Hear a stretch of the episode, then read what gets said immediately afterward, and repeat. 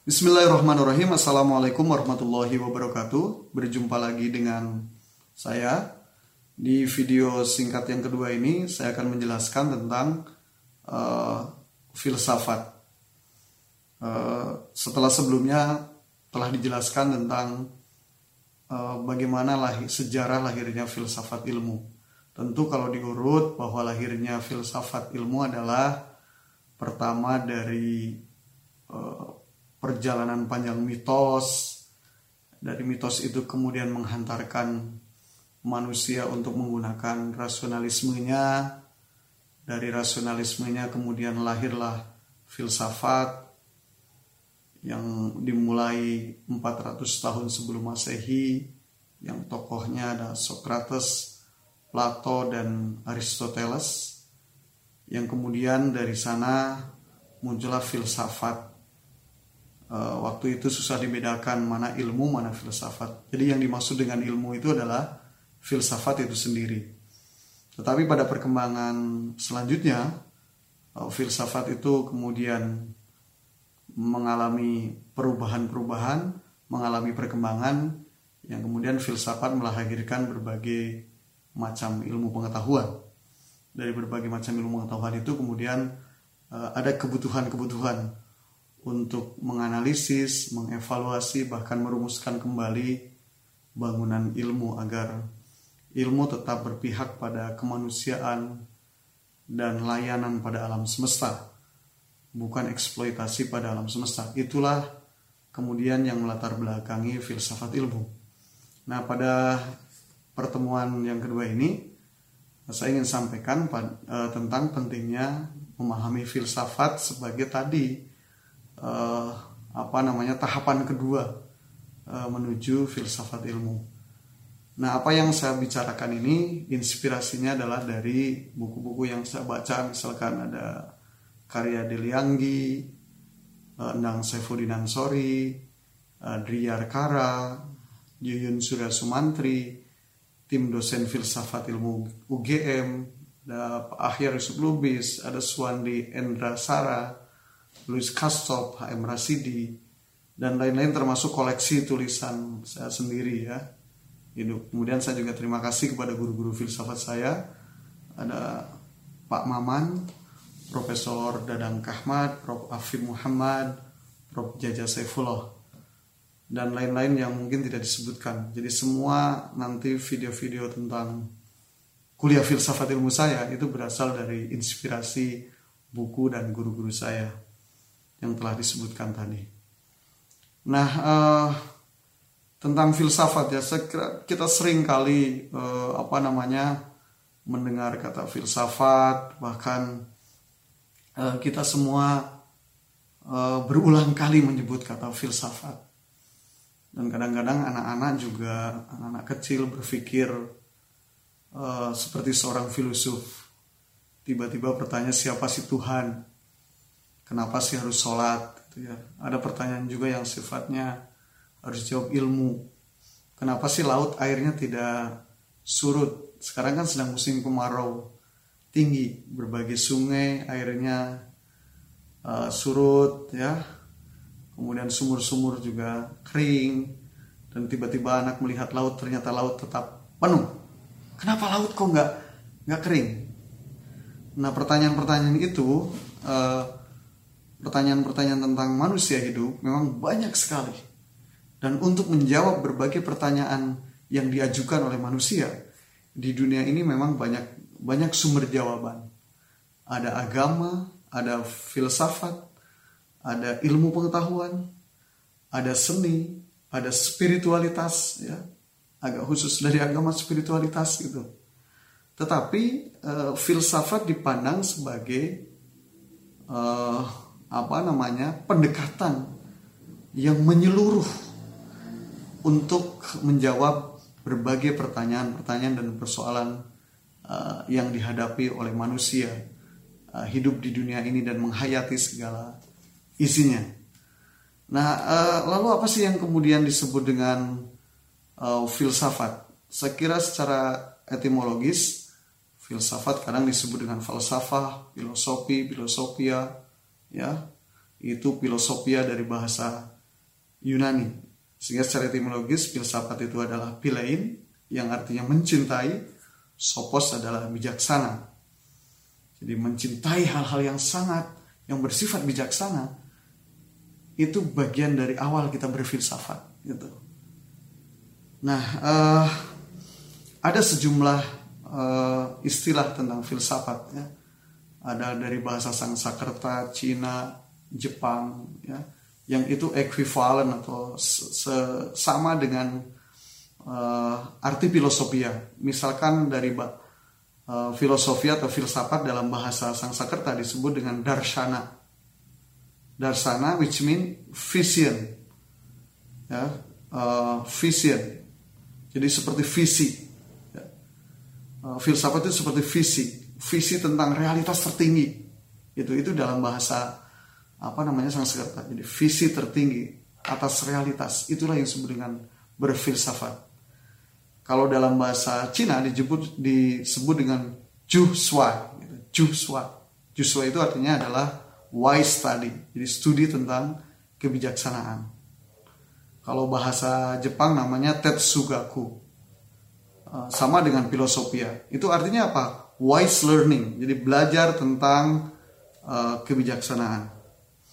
Nah banyak pendapat tentang tentang apa filsafat itu sendiri. Misalkan kalau merujuk ke sejarah ada Socrates dan Plato yang kemudian uh, menjelaskan bahwa uh, filsafat adalah pengetahuan tentang segala sesuatu yang ada. Kemudian Aristoteles ya menjelaskan filsafat adalah ilmu pengetahuan tentang kebenaran. Di dalamnya terkandung ilmu matematik, logika, retorika, etika, politik, ekonomi, dan estetika. Kemudian Cicero, uh, filsaf, uh, filsuf Cicero mengatakan bahwa filsafat itu adalah pengetahuan tentang sesuatu yang maha agung dan usaha-usaha untuk mencapainya. Nah, kemudian ada pendapat lain dari Pak Saifuddin Ansori, almarhum, beliau menjelaskan bahwa filsafat adalah ilmu pengetahuan yang bukan biasa. Dia ilmu pengetahuan yang istimewa. Yang menjawab masalah-masalah yang tidak bisa dijawab oleh ilmu pengetahuan. Karena filsafat adalah menjawab sesuatu yang di luar jangkauan ilmu pengetahuan. Jadi ilmu pengetahuan yang yang istimewa, yang uh, ia fungsinya untuk menjawab yang memang tidak bisa dijawab oleh uh, ilmu pengetahuan. Itulah filsafat. Jadi kalau ilmu pengetahuan sudah KO, sudah tidak bisa menjawab persoalan, maka kemudian filsafat yang bisa menjawab persoalan itu. Nah, oleh karena itulah untuk untuk mendefinisikan filsafat memang ada definisi modern, ada definisi klasik. Kalau definisi modern itu uh, definisi klasik dulu ya. Definisi klasik itu sebagaimana saya jelaskan tadi bahwa filsafat artinya cinta kebijaksanaan seperti ucapan Pitagoras. Jadi Pitagoras itu nggak mau disebut uh, filsuf, tapi dia lebih senang disebut dengan lover of wisdom. Jadi pencinta kebijaksanaan, bukan lover of dangdut ya, tetapi lover of wisdom, pencinta kebijaksanaan. Nah, uh, teman-teman, maka oleh karena itulah kehadiran filsafat dalam konteks ini filsafat ini memang pendobrak ya. Artinya ketika sebuah intelektualitas itu tertawan moralitas tertawan maka filsafat hadir untuk melakukan pencerahan itu. Filsafat juga pembebas itu membebaskan manusia dari ketidaktahuan menjadi tahu. Sekaligus filsafat juga merupakan guide atau pembimbing uh, agar kita semua mampu berpikir rasional. Dalam konteks itu, maka filsafat dalam pengertian modern adalah memahami semua hal yang timbul dalam keseluruhan uh, lingkup pengalaman manusia. Nah, teman-teman, bahwa kemudian yang ingin saya sampaikan bahwa fungsi filsafat itu selanjutnya adalah tentang fungsi filsafat. Apa itu fungsi filsafat? Yang pertama adalah filsafat sebagai sebuah sikap ya adalah suatu sikap terhadap kehidupan alam semesta serta bagaimana ia bersikap menghadapi kehadapan yang kritis atau problem yang sulit yakni cara berpikir filsafatnya akan kritis, terbuka, toleran dan selalu bersedia meninjau kembali problem dari semua sudut pandang. Kemudian fungsi filsafat yang kedua, filsafat sebagai sebuah metode. Adalah suatu cara berpikir secara reflektif dan jelas, penyelidikannya menggunakan alasan, berpikir secara hati-hati, teliti, inklusif, termasuk juga sinoptif.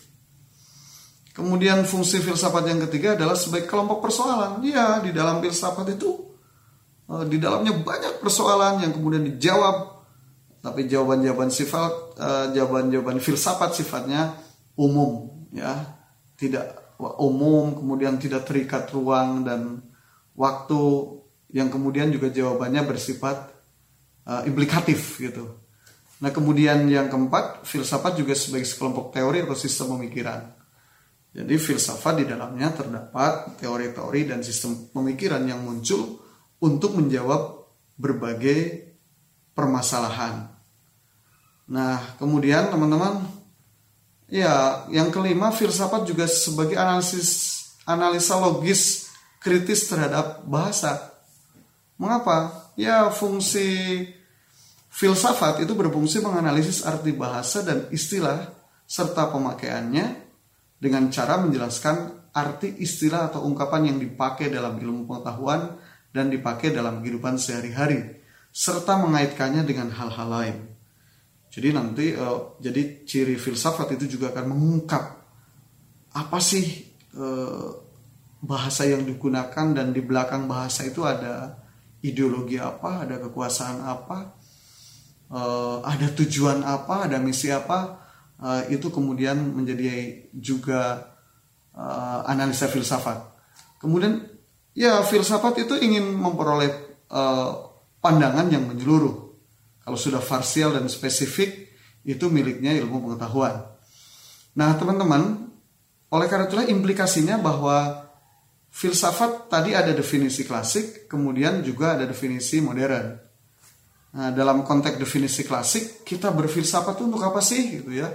Ya kita berfilsafat itu adalah untuk supaya uh, kita memperoleh atau bisa hidup dengan sebijak mungkin gitu. Bisa hidup sebijak mungkin. Dengan berfilsafat kita makin toleran, makin bijak, makin menghargai perbedaan, makin bersyukur gitu ya. Makin menghayati hidup, apa sih pentingnya hidup? Uh, apa sih uh, kehidupan yang tenang dan seterusnya itu bagian dari filsafat dalam konteks definisi klasik. Tapi dalam definisi modern yang namanya filsafat itu adalah penguasaan ilmu sampai menembus di baliknya yang digunakan sebagai pemikiran dan pengenanggulangan masalah serta spekulasinya. Jadi kita menguasai ilmu dan kemudian dengan ilmu itu kita mampu memahami persoalan sampai akar-akarnya. Sampai apa sih eh, persoalan itu dibalik masalahnya itu apa gitu. Sehingga pemahamannya menjadi utuh dan uh, nanti jawaban-jawaban yang akan diberikan menjadi jawaban-jawaban yang uh, benar dan berdampak pada baik bagi kehidupan kemanusiaan, uh, baik da, bagi kehidupan ilmu pengetahuan. Nah, oleh karena itulah uh, bagi ilmuwan filsafat uh, bagi ilmuwan Anda dan kita semua itu akan mempertajam penguasaan disiplin ilmunya. Jadi kalau Anda seorang pendidik nanti seorang magister ilmu pendidikan gitu atau sarjana pendidikan maka dengan menguasai filsafat Anda akan makin tajam cara menganalisa uh, problem-problem pendidikan gitu. Dan Anda juga dengan berfilsafat nanti bisa menggunakan berbagai pendekatan dalam mengkaji sebuah persoalan. Sehingga jawaban-jawaban yang didapatkan tidak parsial tetapi komprehensif dan memberi ragam pandangan sehingga kita nanti akan selain tajam di dalam menganalisa masalah juga kita akan memiliki penghargaan akan ragam-ragam pendapat, ragam-ragam uh, penjelasan di dalam ilmu pengetahuan. Nah, uh, oleh karena itulah uh, filsafat memang uh, memiliki ciri-ciri, memiliki ciri-ciri tertentu yang itu berbeda, yang membedakan dengan ilmu pengetahuan apa yang yang membedakan filsafat dengan ilmu ilmu pengetahuan? Yaitu di antaranya adalah filsafat bersifat umum. Jadi apa yang dibicarakan tidak spesifik ya. Objek-objeknya uh, sangat umum. Jadi kalau Surya Sumantri mengatakan kalau Anda menunduk ke bawah dan itu sangat terbatas yang Anda perhatikan, itulah ilmu. Tapi begitu Anda menengadah ke atas, Anda lihat bulan berbintang-bintang yang sangat luas, itulah filsafat yang bersifat umum. Oleh karena itulah kemudian ciri yang kedua, filsafat tidak menyangkut fakta, tetapi ia lebih pada rasionalitas dan logika. Kemudian, eh, tetapi kemudian filsafat juga terkait dengan nilai-nilai. Nah, tentu nilai-nilai di sini adalah nilai moral, nilai estetis, ya, nilai agama, nilai sosial, yang itu menjadi pagar agar ilmu pengetahuan yang yang dikembangkan itu dalam dalam bingkai yang tidak tidak bebas nilai tetapi ya nilai yang ditetapkan adalah bagaimana ilmu pengetahuan itu sekali lagi menjaga mikrokosmos dan e, melestarikan makrokosmos gitu. Kemudian yang keempat ciri filsafat itu ya bersifat kritis. Dia akan menganalisis e, berbagai konsep-konsep yang selama ini stabil berbagai teori yang selama ini membumi. Bahkan karena kritisnya filsafat juga menggugat diri kita sendiri. Misalkan laki-laki yang selama hidup ini patriarkis gitu dengan filsafat salah satu pendekatannya misalkan feminis itu akan menggugat keistimewaan keistimewaan laki-laki yang sementara ini menjadi kesenangannya uh, menjadi domainnya menjadi kenyamanannya tapi dengan filsafat dia akan didobrak dan digugat Nah, kemudian uh, uh, filsafat juga sifatnya implikatif. Uh, artinya apa? Uh, penjelasan yang uh, disampaikan oleh filsafat, konsep-konsep yang disampaikan oleh filsafat itu akan memiliki implikasi-implikasi, bukan jawaban-jawaban secara langsung, tetapi implikasi-implikasi itu yang menjadi jalan untuk uh, menyelesaikan berbagai persoalan-persoalan yang dihadapi oleh filsafat.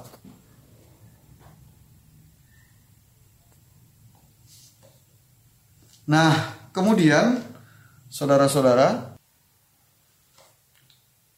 nah selanjutnya kita akan bicara agak spesifik ini. Jadi ciri uh, berpikir kefilsafatan, ciri berpikir nih, ciri berpikir kefilsafatan. Yang pertama adalah berpikir secara radikal. Ini ciri yang paling populer. Jadi kalau ciri dasar berpikir filsafat itu berpikir radikal. Radik, ya sampai ke akar-akarnya. Sampai ke hakikat, sampai ke esensi, sampai ke substansi yang dipikirkan. Sehingga dengan itu pengetahuan yang kita kuasai itu mampu mengungkap persoalan yang paling mendasar atas persoalan yang terjadi. Atas persoalan-persoalan yang itu ditangkap oleh indrawi. Sehingga berpikir, itu ciri berpikir secara radikal. Gitu. Ciri kedua e, berpikir filsafat adalah berpikir secara umum. Artinya apa sih berpikir secara umum itu? Adalah Maksudnya adalah berpikir tentang hal-hal serta proses-proses yang bersifat umum untuk sampai kepada kesimpulan-kesimpulan yang sifatnya universal. Jadi eh, berpikir hal-hal yang umum yang kemudian itu nanti akan menghasilkan kesimpulan yang bersifat universal. Kemudian ciri berpikir filsafat yang ketiga adalah berpikir secara konseptual. Maksudnya adalah berpikir dengan cara mengeneralisasi dan mengabstraksi tentang hal-hal serta proses-proses dari berbagai pengalaman. Dari berbagai pengalaman-pengalaman hidup, eh, orang, ilmuwan, itu kemudian diangkat menjadi sebuah konsep, menjadi sebuah teori. Nah, kemudian yang keempat, ciri berpikir filsafat secara khusus adalah berpikir secara koheren dan konsisten. Maksudnya adalah berpikir sesuai dengan kaidah-kaidah berpikir logis. Sehingga konseptual yang telah dihasilkan dan disusun itu tidak terdiri dari pendapat-pendapat yang kontradiktif. Berpikir filsafat itu runut, konsisten dan koheren, ya, tidak apa namanya, uh, tidak kontradiktif di tengah jalan, gitu. Nah kemudian uh, ciri berpikir filsafat itu adalah berpikir sistematik. Artinya apa? Eh, pendapat-pendapat uh, yang merupakan uraian-uraian kefilsafatan harus saling berhubungan serta teratur dan terkandung adanya maksud dan tujuan tertentu. Kemudian yang selanjutnya, yang keenam, uh, ciri berpikir filsafat itu adalah berpikir secara komprehensif. Apa itu berpikir komprehensif? Yaitu berpikir secara menyeluruh, berusaha menjelaskan alam semesta secara keseluruhan. Kemudian yang selanjutnya, yang ketujuh, ciri berpikir filsafat itu adalah berpikir bebas. Artinya ini ini yang khas dari filsafat, itu berpikir bebas. Bebas dari apa maksudnya? Itu berbe, berpikir bebas dari berbagai prasangka-prasangka sosial, ikatan historis, ikatan kultural, bahkan dogma-dogma agama itu juga harus dibebaskan dulu. Walaupun kebebasan di sini bukan sebebas-bebasnya, tetapi artinya berpikir rasional, objektif dulu ya, melepaskan ikatan-ikatan semua, yang kemudian itu membangun uh, uh, bangunan filsafat yang dia, yang disebut dengan pikir bebas. Makanya kemudian para ilmuwan, para ilmuwan mengatakan berpikir filsafat itu berpikir bebas dengan bertanggung jawab. Jadi seorang filsuf adalah orang yang berpikir sambil bertanggung jawab. Maka di sini akan nampak hubungan antara kebebasan berpikir dengan etika.